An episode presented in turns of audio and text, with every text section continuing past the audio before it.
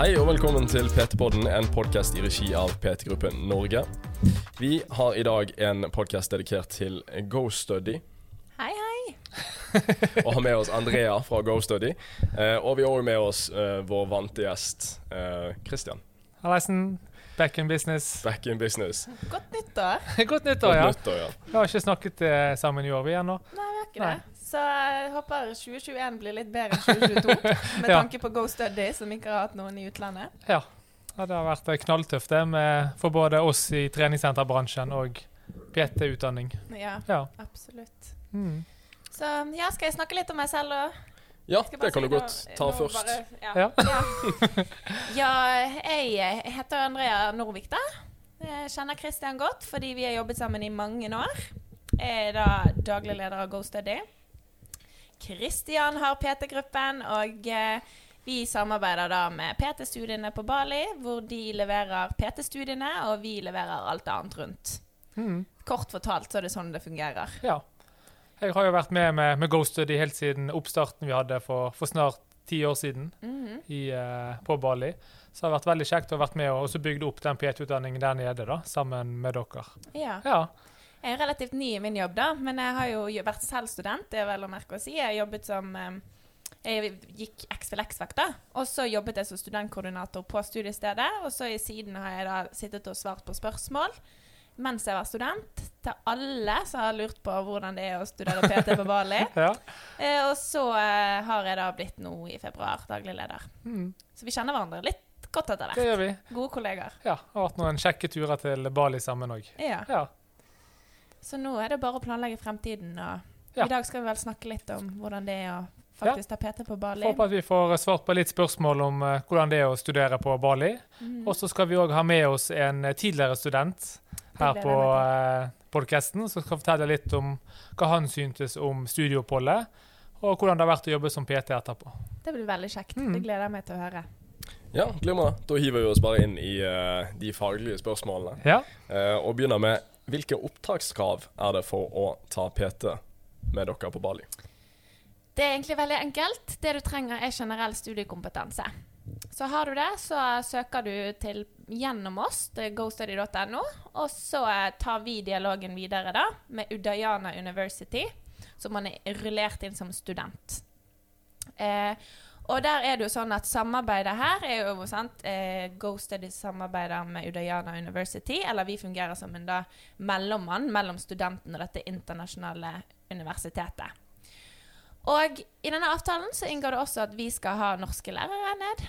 Eh, og det er jo da PT-gruppen kommer inn. Mm. Da har jo vi eh, mange av våre ansatte som stiller som lærere på, på studiet. Ja. Eh, Og jeg er jo da faglig ansvarlig for eh, utdanningen på Bali. Mm. Mm. Så ja, tilbake til spørsmålet generell studiekompetanse. Og så er du da student ved et internasjonalt universitet på Bali. Og hvor lenge varer studiet? Fire måneder. Så det er perfekt lang tid for at du skal komme deg inn i en rytme og føle at du faktisk bor der. Studiet er på norsk eller engelsk? Ja. Hovedsakelig på engelsk. Pensum er på engelsk. Du er jo en internasjonal student. Eh, sant? Og der kan du sikkert du eh, også fortelle litt, Kristian. Men det er jo sånn at eh, du skal ha pensumet på engelsk, du får undervisning på engelsk, men så Mm. har du disse norske lærerne til å være der og støtte deg hvis du ikke forstår noe.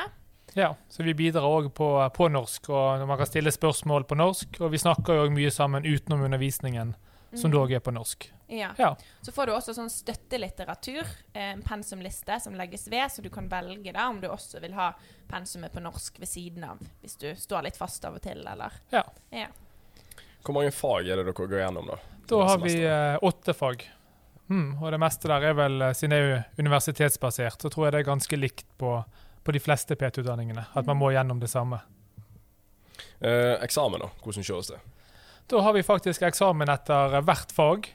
Eh, Det er i hvert fall en modell som, som jeg sjøl likte godt som student. At man har da anatomi, og så har man eksamen i anatomi rett etterpå. Og så begynner man på nytt fag. Så har man da eksamene fortløpende etter eh, fagene. Mm. Studiepoeng? Hvor mange igjen? 30 studiepoeng, så det er akkurat det samme som om du ville gått et semester her hjemme i Norge på et universitet. Så du har 30 studiepoeng, og så har du da PT1. Så da kan man jo da, når man kommer hjem, så kan man jo velge om da han har lyst til å ta PT2, Nå er det jo sånn at det er mange treningssentre som krever at du har både PT1 og PT2 for å bli PT. Så da tar man gjerne PT1 på Bali gjennom oss, og så drar man hjem til Norge og tar PT2 med blant f.eks. AFPT, da, eller eh, en annen leverandør, eller ja. Mm. Og spørsmål til deg, da. Mm. Hvordan er det å få jobb etter studiet? Eh, nå har jo? PT-bransjen vært i veldig vekst de siste årene. Så det er fortsatt veldig stor etterspørsel etter eh, personlige trenere. Så er man en seriøs student og har lyst til å jobbe etterpå, så er det fullt mulig. Vi har ansatt mange fra Bali. Ja, så, og mange av lærerne som er der nede, eh, har jo lederstillinger i bransjen, og plukker gjerne ut eh, flinke studenter til å jobbe etterpå. Det er egentlig mulig å få vist deg godt underveis. eh. Ja, du kan bruke det som et eh, fire måneders langt jobbintervju hvis eh, du ønsker det. Så har vi litt øvrige spørsmål fra, i forhold til studiesteder og forberedelser og sånt. Eh, hva koster det å studere på Bali, og hva inkluderes i prisen? Eh, prisen, totalprisen vår, det er jo da 88 900, som nå var prisen for det forrige semesteret. Eh, og det inkluderer da flybilletter tur-retur, oppholdet på Bali sant, med hotell, kjempefin standard og fint hotell, og eh, sant, skolepengene eh, er inkludert i den prisen, samt oppfølging og, og alt dette utenom at det skjer litt utflukter og disse tingene. Så får du rundt 90 000 kroner fra Lånekassen, så det dekker jo dette. Så det man må da tenke på utenom det, det er jo da eh, lommepenger. Så, så det er veldig enkelt og greit og forutsigbart. Du betaler en pakkepris, vi sørger for resten. Og eh, sant, P3-gruppen og Kristian sørger for det faglige. Ja. så det er en veldig fin måte å dra ut og studere og, og samtidig oppleve noe og ha det komfortabelt. da. Hvordan fungerer betalingen, da?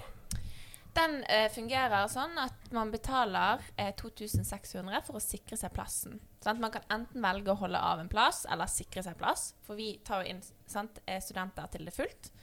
Um, og hvis man da velger å sikre seg plassen, betaler man 2600.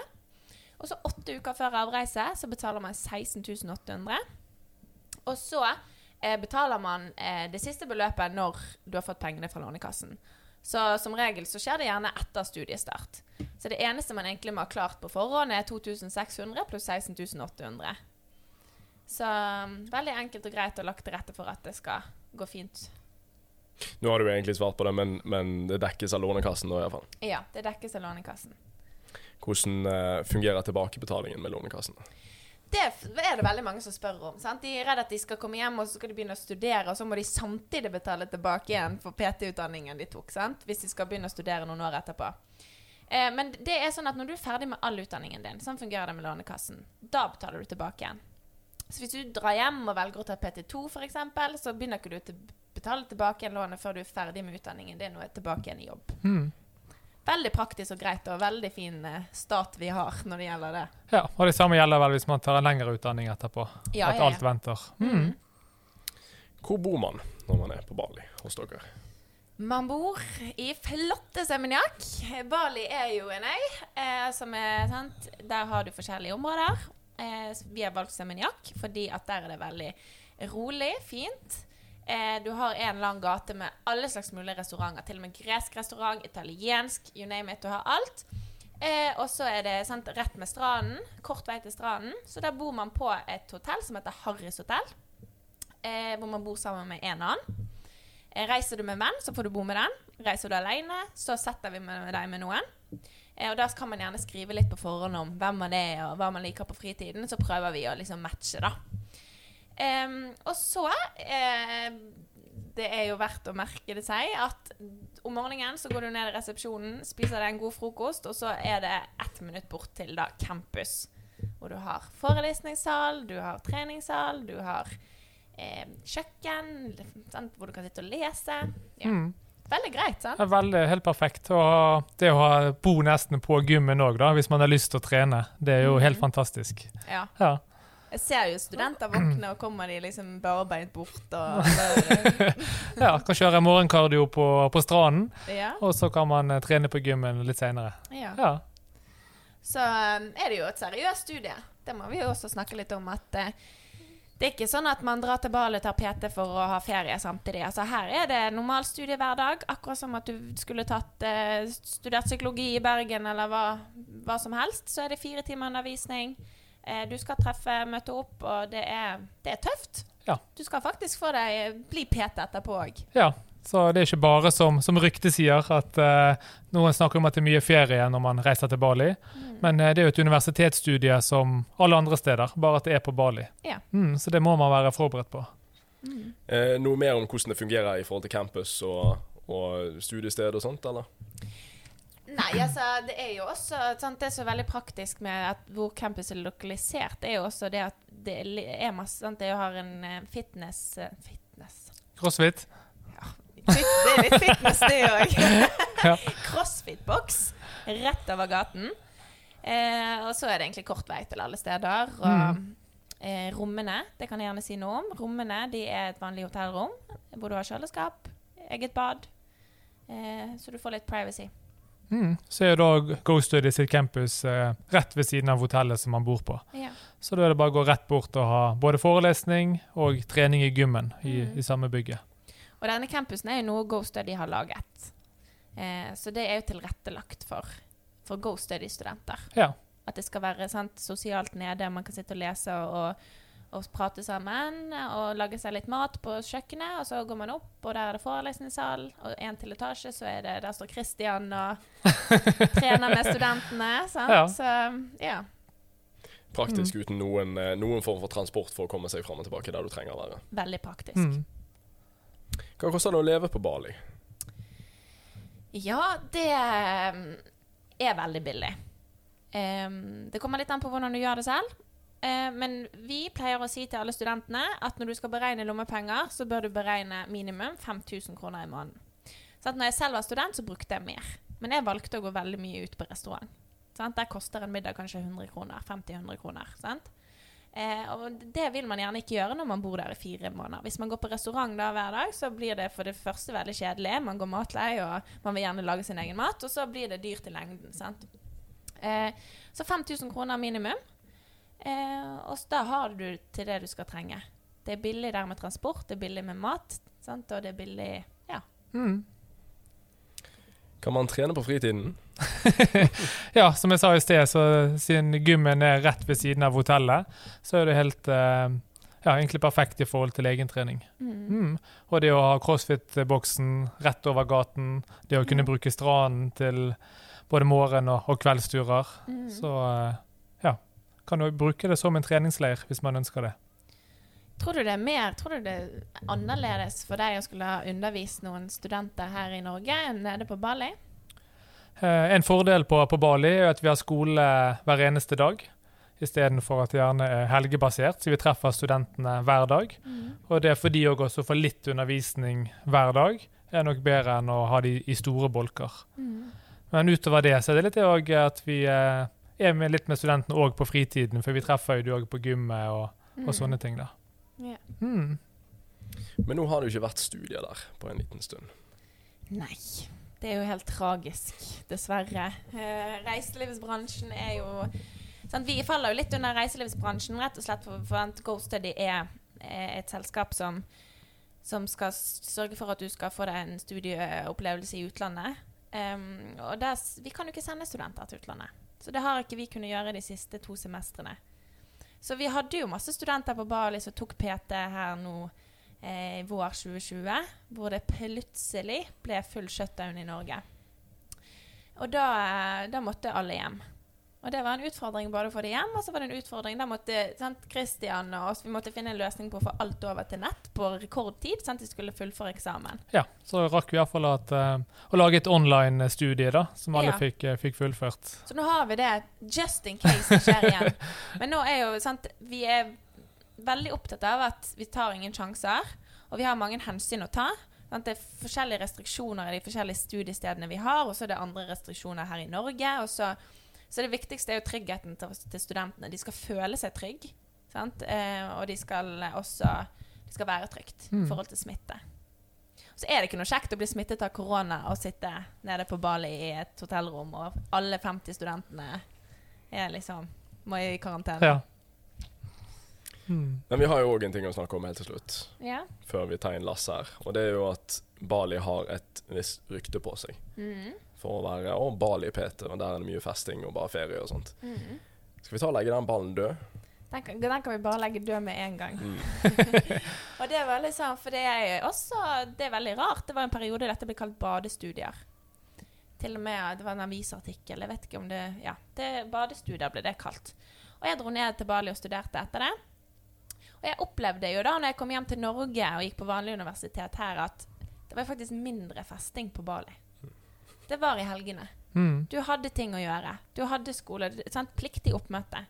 Så man kommer inn i en hverdag. Og eh, det er et universitetsutdannelse. Um, det er ingenting Altså, det er superseriøst, og vi setter store krav, og dere setter krav til deres uh, Mm. studenter. Absolutt. Og det eneste vi kan gjøre, er å ha så god faglig kvalitet på studiet som, som mulig. Mm. Og hva folk gjør på fritiden, er jo ikke så lett for oss å, å styre. Nei. Nei, men vi har jo obligatorisk oppmøte på, på alle timene. Ja. Mm. Og det er jo som sant ehm, Det er ikke en ferie. Det kan jeg bare si med en gang. Nei, Det det er det er veldig fint å kunne ha, ha Bali et, et, til et sted å være når du ikke har undervisning, og du har fritid, og når du ikke må lese. Så er det noe annet å kunne dra på stranden enn å liksom subbe hjem i snø og kulde her hjemme. Og stå opp om morgenen, så er det 20 grader ute. Og, sant? Det er noe annet. Du får en mye mer behagelig opplevelse av det, erfarte i hvert fall jeg. Så det er veldig fint hvis du vil kombinere de to tingene og tenker nå vil jeg komme meg vekk, men jeg vil samtidig få meg en alvorlig og seriøs PT-utdanning. da. Mm. Det, jeg tror det lider litt av at det, det ser bare mer eksotisk ut, alt som skjer der borte, enn hva Mhm. som skjer her hjemme. Ja. Men det er jo dette med å komme seg vekk, og liksom ikke ha disse hverdagsdistraksjonene som, som vi har, og, og eh, familie og greier å besøke, sant. Men Mm. du kommer bort der og har bare trening, studie å fokusere på. Og deg selv, og Ja. de vennene dine som er der av akkurat samme årsak. Mm. Så ser man gjerne litt det at eh, studentene når de poster ting på, på Instagram og sånn, Mm. så er det ofte om ting som ikke har med undervisningen å gjøre, som at de er på stranden og de gjerne går på beachklubber. Og det er kanskje det å skape litt inntrykket her i Norge, da. Mm. At uh, de kun er på stranden og, og koser seg. Absolutt. Mm. Så det, det er veldig ufortjent rykte. Jeg blir ganske lei meg når jeg hører noen snakke om det. Å ja, du skal til Bali, du jobber der, du. Ja, ja da, du skal bare ned og feste og ikke jobbe. Du sier de til og med til meg som jobber, sant. Jeg blir ganske frustrert og syntes at de skulle tatt seg et semester med oss og se hvordan det er. Det er akkurat som et, en, et, en utdannelse her i Norge med pliktig oppmøte. Og hvis ikke, så får du, blir du utvist. Ja, og de fleste ut av foreleserne våre foreleser jo òg på de andre PT-utdanningene. Så Mm. sånn sett òg er jo kvaliteten lik. Ja. Mm. Og det er veldig fint. Vi har en stor gjeng, en stor ansattstab som passer på at kvaliteten er god. Mm. Liksom, de har god erfaring og jobbet innenfor bransjen i mange mange år og vet hva, hvordan det skal være. Og kommer med innspill når ting bør endres. Sant? Og man tar det videre til Udayana University. Så det er en veldig god sånn Ja. Ja. Flyt over det. ja. Ja. Nei, men Det er veldig greit å nevne det, for det at, eh, de studentene som kommer hovedsakelig kun fordi de vil være på Bali, da, Mm. eh, de faller fort ifra i undervisningen i starten. ja. Eh, Så sånn sett er det greit å ta dette opp i forkant. ja. Nei, men kanon. Yes. Da tar vi og får inn eh, Lasse? Lasse. Ja? Lasse. Får høre hvordan han har hatt det. Høre hvordan Lasse har hatt det.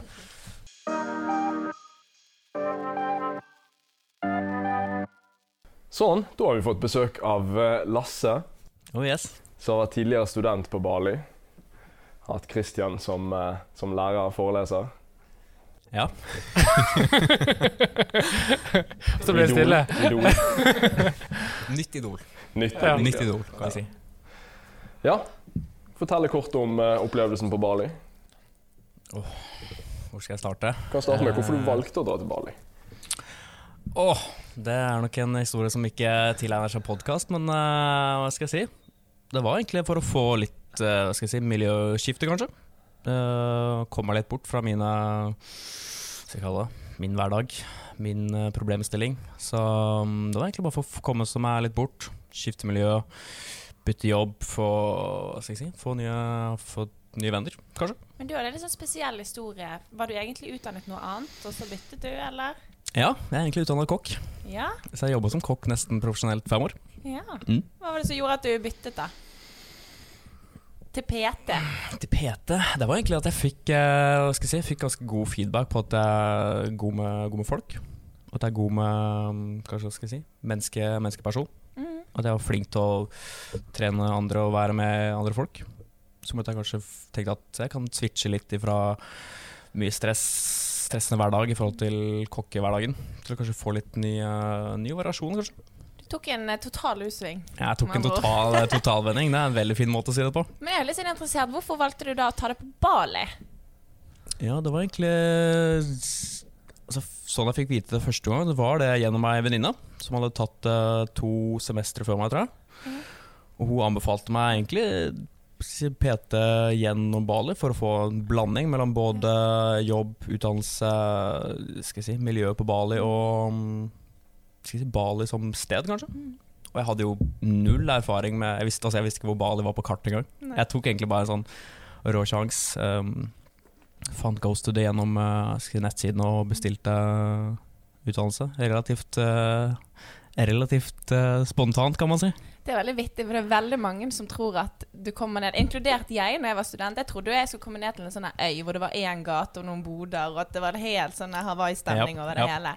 Men så har de liksom de kinosalene, de har Starbucks, de har Sara, de har liksom de har alt du kan tenke deg. Mm. Så jeg fikk jo helt sjokk. Ja, jeg fikk litt sånt uh, jeg skal kalle det kultursjokk i starten. Ja. Jeg hadde sett mye sånn videoer, bilder sånn Her har du Bali. Sånn fossefall og regnskog og hele pakka. Så kommer vi til litt sånn skal kalle det, by. Klassisk sånn Instagram-Bali. Ja. Liksom. Det sånn det man har sett tidligere på Instagram og nettvideoer og Google. Så Ja, ja, si, det stemte ikke helt i som førsteinntrykk. Men det er jo Altså, man kan jo reise farte på Bali som alle andre steder i verden, egentlig. Men du var der fire måneder. Fire måneder. Hva syns du om det? Var det for Åh. lenge? Det Altså, jeg tror det kunne vært Jeg tror jeg enda kunne vært der lengre, og så tror jeg enda kunne vært der kortere, for å si på den måten. At det kommer litt an på hva man gjør ut av opplevelsen, tror jeg. Mm. Det kommer vel an på hva gjør man på de fire månedene. Bruker man fire måneder til å reise, farte, se og oppleve? Eller bruker man fire måneder til å si, trene utdannelse og bare sånn sitte hjemme og studere, skal jeg si, telle, telle spiker i veggen? Det merker jeg veldig godt på studentene, at når de kommer ned der, så tar det en måned, og så får de en slags hverdag. Mm. Og det er ganske bra med Bali, det er så stort at du kan variere hverdagen din. Sånn opplevde jeg det, og jeg ser det på studentene, at du, du kommer liksom inn i en rytme, og så, så bor du på Bali. Du er ikke bare Ja. på ferie der. Så Ja. du får et helt annet inntrykk. For det er det jeg tror mange også hadde sånn inntrykk av i starten, at de kommer dit på sånn ferie, ferieparadis. Mm. Men så kommer de dit, så er det en sånn, kall en storby som alle andre steder. Man kan gjøre, man kan, som du sier, gå på kino, gå på kjøpesenter, gå rundt i gatene, altså gå på nattklubber, være sosial, gå på lunsjrestauranter og ha det koselig. da. Ja. Og det er liksom når du snakker om studiet, så er det jo mange som tar kontakt med meg, og så tror de at Eller jeg har inntrykk da at jeg må, jeg må snakke litt med dem, fordi at de tror gjerne at de skal fire måneder på ferie til Bali. Og så har du, går du jo PT. Og som du sikkert eh, erfarte, så er PT et hardt studie. Det er det. Ja. Det er opp tidlig, og det er en hverdag, og du, eh, du skal bli utdannet PT etter de fire månedene. Godt Gått PT1. Altså, det er jo skole. Det er jo en universitetsutdannelse, bare på Bali. Så jeg tror at mange kanskje ser litt sånn feil på det. At ok, nå drar vi på Bali, så er det kanskje en time her, en time der. Men det er faktisk eh, skole, som alle andre steder. Bare at det er utenlands. Ja, og jeg studerte jo først på Bali, så kom jeg hjem igjen. da. Og så så jeg det at jeg syns studiehverdagen her hjemme Det var ikke, det var ikke mi, altså mindre festing her i, i Altså studielivet her i Bergen enn det var på Bali. For du må holde trøtt. og Sy Ja. Syns du det var vanskelig? Eh, Både òg. Det kommer jo, tror det er veldig an på hvem du henger litt med på, si, på gjennom skolen, gjennom på Bali. Hvem du henger med, egentlig. For Vi merka det veldig godt i skal jeg kalle det, fordeling av klasserommet. Hvem som var der for eh, skal jeg si, fyll og fest, og hvem som var der for å få en utdannelse. Yeah. Du så det veldig godt på skal jeg si, klassefordelinga. Mm. Så det veldig fort at halvparten av klassen, de som satt bakerst opp med PC-skjermen, de de ga litt F. da. Mm. Og så var det de som satt eh, kanskje foran, fremst, fulgte med, stilte spørsmål og var litt med i timen. da. Mm. At det er nok veldig ut ifra hva du gjør det, gjør det til sjøl, tenker jeg. Og det er jo strenge regler òg. Altså, du, du skal ha gyldig altså, grunn for fravær, og hvis du bryter de så og så mange ganger, så blir du utvist. Ja. Så det er, det er ikke sånn som mange studier er at du er helt eh, ikke-obligatorisk undervisning. Der skal du på plass og gjøre øvelsene dine, og Kristian skal si at du kommer til timen. Ja, ja, ja. Vi hadde Kristian eh, mange ganger, vi som kom innom og hadde opptelling og hadde, skal jeg si, ropte ut hvem som satt og hvem som var med da, og ikke var med. Ja. Mm. Ja, Og det, det er, altså, jeg tror mange tar det som en sånn, kall det ferie med skole. Mm, Mange som tenker at ok, nå skal vi på, til Bali for å være på ferie, og så er det litt skole på sida. mm, Det er ut, utdannelse bare utenlands. mm. Mm. Hva syns du om liksom stedet, altså campus og hotellet? Hvordan syns du det var? Likte du det? Jeg likte det veldig godt. Jeg hadde kjempefin opplevelse. Altså, det var jo skal jeg kalle det litt sånn gammeldags akkurat nå. Jeg veit at det ble um, skal jeg si, steds, uh, stedsskifte. Du bodde på Seminyak Village, du. Seminyak Village. ja. Og jeg synes det var veldig Det var veldig sånn sjarm med det. Mm. Det var liksom sånn litt skal jeg kalle det, ut ifra gatene. Det var sånn, Vi hadde bodde på sånne skal jeg kalle det, hytter. Sånne um, Bungalows. bungalows. Og jeg syns det var veldig sjarm. Mm. Og så blir man veldig tett opp mot de man bor med. da Mm. Altså Jeg har jo fått venner for livet gjennom Bali, som jeg har kommet til å ha livet ut. Og det, det tror jeg kanskje setter aller mest eh, pris på. Det er veldig kjekt å høre. Mm. Det er det som er hele poenget, at du skal leve, bo, studere. Og så har du lærerne dine som også er nede på Bali og har samme opplevelsen med at de drar hjemmefra. Så de er veldig tilgjengelige. Så i hvert fall altså, opplevde jeg det når jeg var student selv. Og Mm. du er vel tilgjengelig ganske Du henger jo litt rundt der eh, på din fritid. Absolutt. Så jeg tror vi blir mye bedre kjent med studentene da, enn man ofte gjør på, på andre skoler. Mm. Mm. Og jeg har fått veldig positive tilbakemeldinger fra, fra studentene på det. da, At de får en litt annen connection til lærerne der nede enn man gjør hjemme. Mm. Jeg ser jo det at de syns jo at dere PT-lærere er veldig kule. Ja, og er greie og snille og imøtekommende. Du syns vel kanskje det samme, eller? Du kan ikke jeg si noe annet. Jeg, jeg, tør ikke, jeg tør ikke å si noe annet, ellers blir det ikke lønn. Men uh, nei, vi fikk veldig godt inntrykk av lærerne. Mm. For vi kunne jo være med, siden lærerne våre bodde på campus sammen med oss, så Mm. kunne vi møte lærerne litt sånn på fritida. Mm. Lærerne våre er jo også utdanna PT, og de var jo med på gymmen, var med og trente. Vi kunne være med dem litt på fritida. da. Mm. Jeg tenkte liksom det er kun læreren er her i klasserommet, han er lærer, og så er det 'takk for i dag, ses i morgen'. Mm. Men man hang litt mer på, på fritida, Yeah. Og det tror jeg gir et mye bedre inntrykk av lærerne i det lange løp. At faktisk lærerne er ikke bare med i timen og lærer bort, men at de er litt mer på fritida og kan gi deg en litt mer tryggere hverdag. da. Yeah. Mm. Og vi fikk jo òg mange eh, gode diskusjoner på gymmen når vi bare er der på, på egentrening. Ja. Så snakker vi litt mellom settene, og da Mm. er det ofte at folk føler seg enda tryggere på å spørre om ting. Og det jeg også har opplevd er at når man går og trener på fritiden, og så kommer en lærer og trener sammen, så kan det hende liksom at man kommer i prat, og så sier læreren eh, eller Christian for den saks skyld, liksom, hei du, den øvelsen kan du endre litt på. Og så har de lært det òg. De får Mm. liksom mer sånn intensiv opplæring, da. Ja. Så jeg vet ikke, endrer du personlighet fra når du står og underviser, til når du treffer de på gymmen i fritiden? Nei, ikke så veldig mye. Lite grann, kanskje. Eh, På forelesningene, i hvert fall hvis vi har vært på de største kullene med 130 i, i klassen, da, så må man være litt autoritær når man foreleser for å få oppmerksomheten fra alle. Mm. Eh, mens når man er på gym og trener sjøl, så er man kanskje litt annerledes. Ja. Mm. Og det er sånn det skal være. Ja. Det er jo det. Så, men eh, hva, så du bodde på Seminyak Village. Da kan jeg bare egentlig si da at nå har du endret litt. Seminyak Village, da, det var litt eh, Det var på tide å bytte. Sant? Ja, var veld, vi var veldig glad i det hotellet der. Ja. eh, Og veldig flinke ansatte. Vi var veldig fornøyd, men det var gammelt. Så vi byttet jo over da til Harrys hotell, som vi da har nå. Eh, og der er, er det kort vei til treningsrommet og ja, undervisningsrommet. Kan gå i sokkelessen bort og Ja. har jo gymmet rett eh, ved siden av hotellet man bor på. mm. Eh, og det gymmet er jo kun for studentene, så det er jo perfekt for, for egentrening. Så har du crossfit-boks rett over gaten. Ja. Så du har liksom alt det du trenger. Så om man ønsker å, å bruke oppholdet som en treningsleir, så er det òg perfekt i forhold til det. For at Mm. alt ligger så til rette når Mm. du bor på gymmet. Mm. Og vi har jo òg hatt studenter som har vært profesjonelle idrettsutøvere, Mm. som har gjennomført studiet mens de har trent seg opp til EM eller Mm. andre konkurranser. Mm. Hvordan følte du hverdagen var der, da?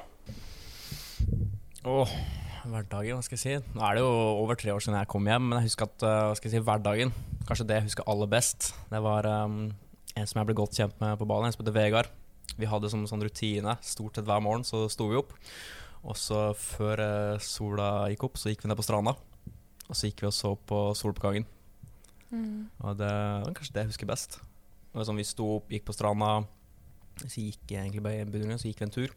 Mm. Kom tilbake, spiste frokost, og så var det vel skole og universitet. Hadde vi skal si, de timene det var. Så kom vi tilbake, og så var det kanskje også slappe av, lese, ligge på bassengkanten, gå ut og spise. Så det er egentlig som en, kall en normal hverdag, på at det er litt sånn varmere skal jeg kalle det, varmere sted og Ja. Jeg tror, det også er litt sånn ut ifra hva man gjør det til sjøl, tror jeg. Hva man ønsker å gjøre, ønsker å bruke hverdagen til. Ønsker man å oppleve, gå turer, se, oppleve Bali? Eller ønsker man også kalle det sove lengst mulig, minst mulig skole, minst mulig lesing? Så det blir det veldig til hva man gjør det til sjøl, tenker jeg. Litt av, litt av det som er med- litt, av, litt av det som er fordelen med å dra på Bali, på en måte, som, som vi har snakket om mye òg, er det derre du lar hele hverdagen din her blir igjen, på en måte. Sant? Alt det du gjerne forbinder med stress og styr og alt det der. Eh, mange som tar utdannelse ved siden av å ha jobb. Mens der kommer du, og så har du liksom bare det du trenger å fokusere på. Det gjør jo at gjerne kvaliteten når du blir veldig mye bedre. At du får et mye større fokus på, Og det er veldig mange som sier sånn Å, så deilig det er å kunne dra og studere, og du har ikke foreldre eller besteforeldre du føler du må besøke. Du har ikke liksom Du har ikke det maset og fjaset. Du har kun deg selv og studiekameratene dine, og så er det det at det eneste du må gjøre, er å dukke opp i timen, gjøre ting, tingene dine. Så kan du utforske verden etterpå. Mm. Så det er liksom veldig, veldig godt poeng. Og så merker jeg også det at det er veldig mye enklere å stå opp tidlig når du bor på Bali og det er varmt og deilig. Ja. Og det er veldig mye lettere å finne på ting utenom skolen når det alltid er blå Mm. himmel og sol. Mm. Ja. Og Mm. dere er jo veldig flinke til å finne på ting før stu Altså Dere driver bootcamp nede på stranden, og mange driver og jobber. Jeg husker jeg tenkte dere er gærne, og dere dro ut på, dro ut på Ja. joggetur i seks om morgenen. Så jeg har jo masse av studentene ofte med meg på, på friidrettsøkter, Mm. siden jeg har drevet med friidrett. Så da har vi hatt egne løpegrupper og hatt flere, Ja. løping flere ganger i uken. Mm. Mm. Ja, det er veldig fint å se. Så, men eh, skolehverdagen den er jo ofte delt i to, Mm. som gjør at vi har eh, halve dagen med teori og halve dagen med praktisk undervisning i, i gymmen. Ja. Mm. Så switcher det litt sånn for når du begynner. Og enten, av, av og til begynner du tidlig om morgenen, sant? eller så begynner du litt seinere. Ja. Kommer an på hvor mange grupper det blir, og litt sånt. Ja. Praktisk. Det har jo med at i den praktiske undervisningen så må man være delt inn i grupper for å få plass Mm. til alle i gymmen. Mm. Og da switcher vi litt på rekkefølgen på når de gruppene skal møte opp. Mm. Lagde du mye mat selv, eller gikk du mest ut og spiste på restaurant? Nei, vi spiste mye ute, det kan jeg si. Det. Men for å si, spare litt penger i lange løp, så Mm. fikk vi Vi var jo nede på lokal, um, lokalbutikken og kjøpte Mm. det viktigste. da. mm. Kjøpte frukt, grønnsaker, havregryn, egg. Sånne ting som man kunne lage litt på egen hånd. da. Ja. Og det tror jeg mange kan spare veldig mye penger på, for skal man spise to-tre måltider ute hver eneste dag over Mm. tid, selv om det er ganske billig i mange av butikkene og restaurantene, så Mm. kan det fort gå en del penger, da. Så jeg tror man skal skal jeg si, ha litt sånn is i magen i forhold til den der at OK, Mm. nå er vi på Bali, spiser vi fire måltider ute hver eneste dag. Mm. I praksis i lengden så går ikke det, altså. Nei. Man må ha litt sånn spise altså noen måltider, kanskje på, på rommet, på campus. Sånne ting, bare for å spare noen kroner. Og det er et veldig ofte spørsmål. Liksom, hva er det det koster å leve der? Og hvor mye med, med lommepenger? Sant? Du får jo det støttet av Lånekassen studie, men så må du også beregne lommepenger. Og da pleier vi å si at du trenger, eh, du trenger ikke mer enn 5000 i måneden faktisk for å klare det fint, men da må du også lage litt mat selv. Sant? En middag ute på restaurant kan jo koste 50 kroner. Men hvis du Det er også noe det der med at når du, det er billig, så bruker man mer penger. Sant? Da man, får man gjerne litt overtenning, så går man som du sier og spiser middag eller spiser ute fire ganger, og da går det mye penger. Men det skal være et billig alternativ å studere på Bali, for det er mulig å leve veldig billig. Det er derfor vi har det kjøkkenet også, sant? at man skal ha mulighet til å lage selv. og Kjøleskap på rommet og disse tingene. En ting som jeg uh, gikk glipp av i min utdannelse, som uh, dere får der på Bali, det er bygge nettverk med alle de du er med. For du blir jo kjent med folk på en, på en helt annen måte enn hva du gjerne blir på, på vanlige studier. For du er så på hverandre hele tiden. Hvordan har du merket det i etterkant? Sånn etterkant så har jeg fått eh, venner for livet gjennom det. Og det er jo litt det også hva man gjør det til sjøl. Er man veldig tett oppå hverandre hele tiden, så er det veldig Hvis du er litt åpen og litt utadvendt, så er det ganske enkelt å finne venner der nede. Er du litt sånn, kanskje litt stille, litt sånn tør ikke helt å være sånn åpen og ut, kalle det åpne seg for andre, så kan det være litt vanskelig å finne, finne andre. da. Men jeg er veldig åpen og veldig utadvendt, så jeg hadde ikke noe problem med å finne mine, min vennekrets ganske fort. da. Det er veldig mange som er bekymret for det der. At de skal Ja. reise ned alene og ringer og spør Oi, eh, hvor mange er det som reiser to og to her, og hvem er han på rommet? Og liksom kjempenervøs. Men det, sannheten er jo at de, de fleste reiser alene. Ja. Sant? Du, sant? Og det, det, er jo, det er jo Alle er jo sånn lik situasjon. Så du ser liksom de første dagene så flokker man seg ganske raskt sammen. Og det går ikke lang tid. Det går ikke lang tid før man liksom finner sin krets. Det er liksom, jeg husker veldig godt I starten var det sånn, hadde man sånn en gruppe som man hang litt med, så plutselig kanskje switcher man litt. Og så over tid, så når man finner de folka som ønsker det samme, så tror jeg veldig fort man finner sin gruppe. da. At man finner de folka som kanskje ønsker å hjelpe deg videre. Men drar man dit for å ha det gøy, så finner man folk som vil ha det gøy. Og drar man folk som har lyst til å oppleve, så finner man den gruppa veldig fort. Så det blir nok veldig hva man gjør til sjøl der òg. Men det fellesskapet og den her um, vennekretsen som jeg fikk, det kommer jeg til å ha livet ut. Det veit jeg. Og det er- tror jeg det er det beste med hele Bali. Det er å få den utdannelsen og få den vennekretsen, og du finner folk som vil det du vil. da. Hvordan syns du opplegget med, med lærerne og foreleserne var? da? Jeg syns det var veldig bra. Altså Det var et par av lærerne som jeg, kanskje kullet vårt var litt uheldig med. Men jeg, altså 90% jeg var kjempefornøyd, altså. Og det har jeg hatt uh, hånda på hjertet å si at et par lærere der er nå desidert de mest intelligente og flinkeste lærerne jeg har vært borti i hele mitt liv. Og jeg har hatt ganske mye lærere, men det er et par av dem som virkelig skal jeg si, stikker seg ut. Og det tror jeg er liksom Det er også kanskje litt hva man gjør til sjøl. Ønsker man å ha en lærer som vil hjelpe deg videre, så spør du, du graver, du vil gjerne få mest mulig kunnskap ut av læreren. Men vil du at læreren bare skal være faglig, fortelle A, B, C, D og that's it, ha det bra, ses i morgen, så tror jeg også du får det. Det tror jeg er veldig hva man kanskje gjør til sjøl òg. Vil du mest mulig av oppholdet, så spør du, du graver, du vil gjerne lære. da. Og det tror jeg har veldig mye å si med læreren du, læreren du får utdelt. da. Jeg synes jo i, I forhold til utdanning så er det jo viktig å ha en lærer som har engasjement og lidenskap for det de står og lærer vekk. Eh, og i forhold til PT-bransjen så vi, vi er jo en bransje der veldig mange lever av den lidenskapen de har, og brenner så ekstremt mye for det. Um, så det at, eh, å ha det sånne som Christian, da, for eksempel, som du sikkert hintet til i sted, uten å nevne navn, Ja, det var de 10 prosentene som De 10 som bare har dårlige vitser og Og Christian. Så, men jeg tror det som gjør at eh, vi som lærere får god kontakt med studentene, det er at vi har den felles lidenskapen som er trening. Sånn at når vi er da sammen og snakker om trening, da, og den felles interessen, gjør at vi får en veldig god connection. Mm. Og det gjør òg at vi kanskje merker mindre aldersforskjell og sånn òg. At vi, ja, vi lurer på de samme tingene og ja, har den lidenskapen som er felles. Mm. Mm. Apropos alder, så er det jo veldig varierende alder av studenter som Ja. kommer òg. Det er jo alt fra Vi har hatt 40-åringer, og vi har hatt eh, de som kommer rett fra videregående. Ja. Alt fra A til Å. Og innimellom har jo vært veldig mange som Lasse som har lyst til å omskolere seg. Som er lei av å være i det yrket de er, og har lyst til å gjøre noe annet. Jeg syns det er et kjempetøft valg av deg, at du bare gjorde det. Fant ut dette er ikke for meg. Det var noe som øh, hva skal jeg si, både jeg tror kanskje tok litt tid. At jeg måtte, måtte omstille skal jeg kalle mage, magefølelsen, hjerte, hodet. Sånn shit, nå skal jeg kanskje faktisk få en ny hverdag. Men da jeg først hadde bestemt meg, så var det Altså Jeg husker vi var Vi møttes en uh, venn i vennekrets en lørdagsaften, vi, vi, var, vi drakk. Ja, ja, ok. Og så husker jeg snakka med hun venninna mi som hadde um, gått studiet før meg. Og så husker jeg bare sånn Ja, vet du hva, i morgen så melder jeg meg opp. Og så gjorde du det. Og så jeg meldte meg opp eh, dagen etter, og jeg har faktisk hadde bestemt meg den dagen. Og det er desidert kanskje noe av det bedre jeg har gjort i mitt liv. altså. Ja, så kjekt. Ja. mange av studentene kommer jo faktisk av anbefaling fra, fra tidligere studenter, ikke det? Veldig mange. Mm. Altså veldig stor andel. Nå eh, husker ikke jeg nøyaktig prosenten, men det er, det er noe som vi satser på. Altså god, god omtale fra, fra tidligere studenter. Og hvis vi skal få god omtale, så må vi jo levere et bra produkt. sånn fungerer det. Men jeg bare lurer på, Ja. syns du det var vanskelig selve studiet? Hva tenker du om det? Det jo er nok eh, litt ut fra person til person, tenker jeg. Litt hvordan man kanskje lærer.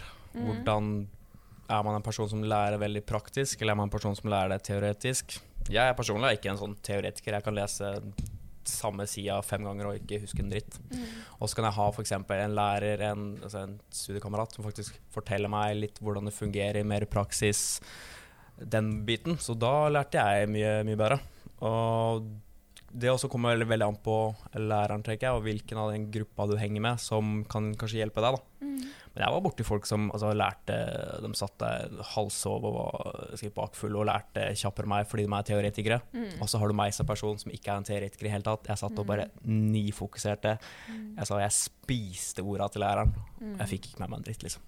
Ja. Det tror jeg er veldig annet fra person til person, hvordan man lærer. Mm. Studiet i seg selv vil ikke jeg si var vanskelig. Nei.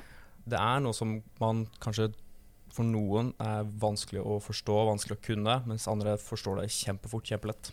Det er vel sånn at det tøffeste, som kanskje anses som det tøffeste, kommer i starten, og det er anatomien.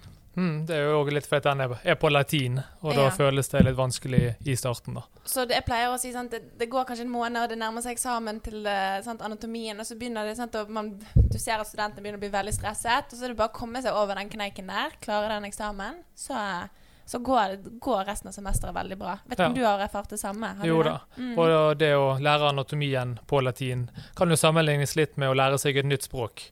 Og da er det veldig vanskelig i starten, for da kan du ingen ord. Mm. Men etter hvert, da når du begynner å skjønne ordene, skjønne Mm. og kan lage setninger, Mm. så går det òg veldig mye fortere å lære det på slutten.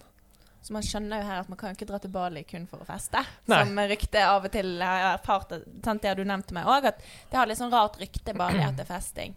Men det sier seg selv at det går ikke an å komme seg gjennom det studiet der og bare feste. Nei, det, det gjør det ikke. Det er jo et universitetsstudie som, som Ja. alle andre studier. Mm. Mm. Men det er jo veldig greit, eh, jeg er ganske lik som deg, mer praktiker enn teoretiker. Så det, at det der å kunne dele opp dagen sånn todelt, at du først har den teoretiske delen, og så får du med en gang gå og praktisert det i mange timer, i tillegg til gjerne i etterkant i tillegg, det gjør jo at læringsprosessen blir veldig mye enklere for, for oss som er praktikere. Og det som er en utrolig fordel, da, det er jo at vi har skole hver eneste dag. Eh, en del andre PT-utdanninger så er jo det gjerne helgebasert, og så er det da mye pause imellom. Men det å ha lære litt hver eneste dag, da, er nok en, eh, en lettere læringsprosess enn å ha det i, store bolker, og så ta pause, og så ny stor bolk. Mm. Så er det jo et uh, fag som, eller et yrke som er eh, meget praktisk. Altså, du, du står jo der med andre mennesker på en måte hele dagen. Sant? Det er jobben din. Så det er jo òg en kvalitet som du tilegner deg ganske bra når du faktisk er fysisk på et studie. Sant? Du er fysisk med folk hele tiden, sant? og du omhandler deg veldig mange forskjellige personligheter.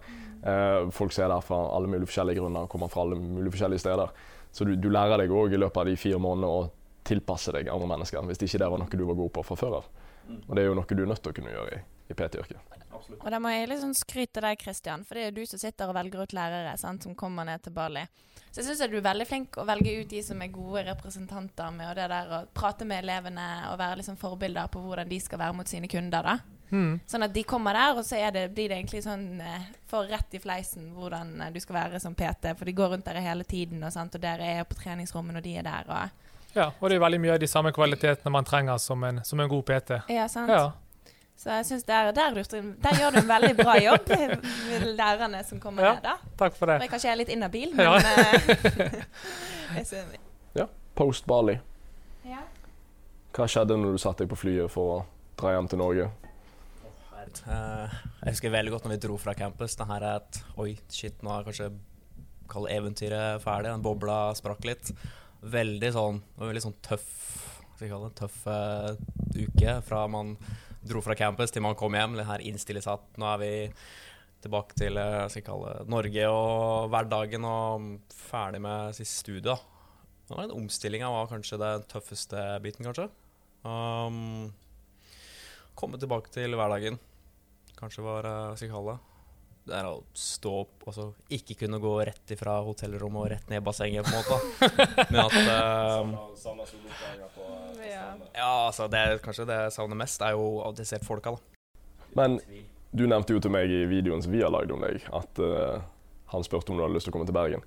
Ja, ja, altså Det tok ikke lange stunda på oppholdet, tror jeg, før Kristian uh, kom bort til meg sånn, kanskje hinta litt, spurte litt. Så ikke kanskje vurderte å flytte på, da. Flytte fra kalle det, trauste Hedmarken til, eh, til glade Vestlandet.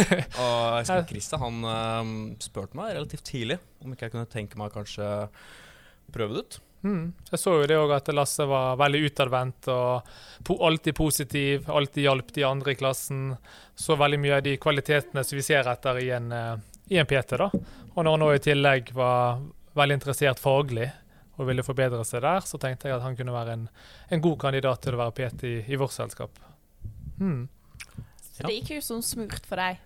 Søkte du noen andre jobber når du var ferdig? Nei. Nei. Jeg, sa, skal jeg, si, jeg fikk jo jobben på Bali. Mm. Jeg og Kristian hadde jo Oi, såpass. Vi hadde vel, jeg tror det var to kall sånn, uh, samtaler etter kallet på um, i klasserommet. Etter klasserommet, etter timene. Så han bare sånn, kanskje snakka litt sånn hvordan det fungerer, både Mm. skal jeg si, den praktiske biten. da Og så tok vi husker vi tok en dag på et sted hvor vi tok en kaffe og bare sånn snakka åssen det fungerte. da Mm.